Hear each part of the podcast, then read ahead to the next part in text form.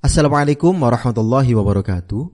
Bismillah, alhamdulillah, wassalatu wassalamu ala rasulillah wa la hawla wa la quwata illa billah. Amma ba'du. Pendengar Buletin Dakwah Kafah, rahimakumullah. Kembali hadir di tengah-tengah Anda semua, Buletin Dakwah Kafah. Kali ini edisi 261, 26 Safar 1444 Hijriah, 23 September 2022 Masehi. Kali ini akan mengangkat tema buzzer gerombolan pembenci Islam yang berbahaya. Bismillahirrahmanirrahim. Tidak diragukan lagi, buzzer atau pendengung saat ini sudah menjelma gerombolan pembenci Islam. Mereka selalu berusaha merendahkan ajaran-ajaran Islam yang mulia. Mereka pun sangat khawatir jika umat ini bersatu. Mereka selalu berusaha memecah belah kekuatan kaum muslim dengan berbagai macam cara. Meski begitu, mereka selalu merasa benar dengan apa yang mereka lakukan, sekalipun dengan cara melecehkan ajaran-ajaran Islam. Mereka layaknya kaum munafik pada zaman Nabi Muhammad sallallahu alaihi wasallam. Allah SWT menjelaskan salah satu sifat mereka dalam Quran surah Al-Baqarah ayat 11. Wa idza qila lahum la tufsidu fil ardi qalu innama nahnu muslihun. Jika dikatakan kepada mereka, Janganlah kalian membuat kerusakan di muka bumi. Mereka menjawab, sungguh kami adalah orang-orang yang mengadakan perbaikan. Mereka sering mengolok-olok ajaran Islam, sebagaimana juga dijelaskan oleh Allah Subhanahu wa taala dalam Quran surah At-Taubah ayat 64. Yahdharul munafiquna an tunazzala alaihim suratun tunabbiuhum bima fi qulubihim. Qul istahzi'u innallaha mukhrijum ma tahdharun. Kaum munafik itu takut akan diturunkan kepada mereka suatu surat yang menerangkan apa yang tersembunyi di dalam hati mereka. Katakanlah kepada mereka, teruskanlah ejekan-ejekan kalian kepada Allah dan Rasulnya. Sungguh Allah akan menyatakan apa yang kalian takuti. Kebencian mereka terhadap Islam sudah tidak bisa dibendung lagi. Hal itu tampak dari apa yang mereka lontarkan dari mulut-mulut mereka karena itu, sungguh aneh jika ada orang yang mengaku beriman tetapi mau berkubu dengan mereka. Bisa dilihat di Quran Surah Ali Imran ayat 118. Seharusnya kaum mukmin tidak bergaul dengan mereka karena itu akan membawa mereka ke jalan kekufuran. Bisa dilihat di Quran Surah An-Nisa ayat 140. Pendengar rahimakumullah, cerminan kaum munafik zaman Nabi. Tampaknya para buzzer itu merupakan cerminan dari kaum munafik pada zaman Nabi Shallallahu Alaihi Wasallam. Mereka ini sering mengolok-olok Nabi Shallallahu Alaihi Wasallam dan para sahabat beliau.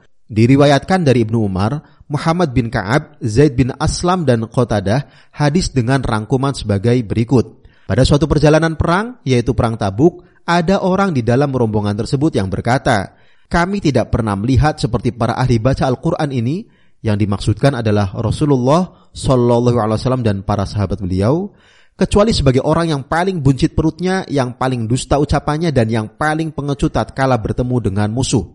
Mendengar hal ini, Auf bin Malik radhiyallahu an berkata kepada orang tersebut, "Kamu dusta, kamu ini munafik. Aku akan melaporkan ucapanmu ini kepada Rasulullah Shallallahu Alaihi Wasallam." Lalu Auf bin Malik radhiyallahu an pergi menghadap Rasulullah Shallallahu Alaihi Wasallam. Namun sebelum Auf sampai, wahyu telah turun kepada Rasulullah Shallallahu Alaihi Wasallam tentang peristiwa itu. Kemudian orang yang bersenda gurau dengan menjadikan Rasulullah Shallallahu Alaihi Wasallam sebagai bahan candaan itu mendatangi beliau yang saat itu sudah berada di atas untanya. Orang tersebut berkata, wahai Rasulullah, kami tadi hanyalah bersenda gurau. Kami melakukan itu hanyalah untuk menghilangkan kepenatan dalam perjalanan sebagaimana hal ini dilakukan oleh orang-orang yang berada dalam perjalanan. Ibnu Umar, salah seorang sahabat Nabi Shallallahu Alaihi Wasallam yang berada di dalam rombongan, bercerita, sepertinya aku melihat ia berpegangan pada tali pelana unta Rasulullah Shallallahu Alaihi Wasallam, sedangkan kakinya tersandung-sandung batu sembari mengatakan, kami tadi hanyalah bersenda gurau dan bermain-main saja. Kemudian Rasulullah Shallallahu Alaihi Wasallam berkata kepada dia dengan membacakan firman Allah swt Quran surah At-Taubah ayat 65 sampai 66. Wala in sa'altahum layaqulunna innama kunna nakhudu wa nal'abu kul abillahi wa ayatihi wa rasulihi kuntum tastahzi'un la ta'tadiru qad kafartum ba'da imanikum. Jika kalian bertanya kepada mereka, tentang apa yang mereka lakukan itu, tentulah mereka akan menjawab, "Sungguh kami hanyalah bersenda gurau dan bermain-main saja." Katakanlah, apakah kepada Allah, ayat-ayatnya dan Rasulnya kalian selalu berolok-olok? Tidak usahlah kalian meminta maaf karena kalian telah kafir sesudah beriman. Beliau mengucapkan itu tanpa menoleh orang tersebut dan beliau juga tidak bersabda lebih dari itu. Hadis riwayat Ibnu Jarir At-Tabari dan Ibnu Abi Hatim dari Ibnu Umar. Pendengar rahimakumullah, ancam kemaslahatan umat. Seperti dilansir sindonews.com pada 11 Februari 2021, keberadaan para pendengung alias buzzer bayaran di media sosial yang belakangan semakin marak telah menimbulkan keresahan. Pasalnya, para buzzer tidak membuat wacana publik menjadi berkualitas. Sebaliknya, mereka membuat media sosial hanya menjadi ajang caci maki, adu domba, membuat hoax, memecah belah, termasuk menghina dina agama Islam dan para tokohnya. Tak jarang setiap dikritik dilawan para buzzer dengan beramai-ramai menyerang pribadi pengkritik. Situasi ini membuat banyak orang prihatin.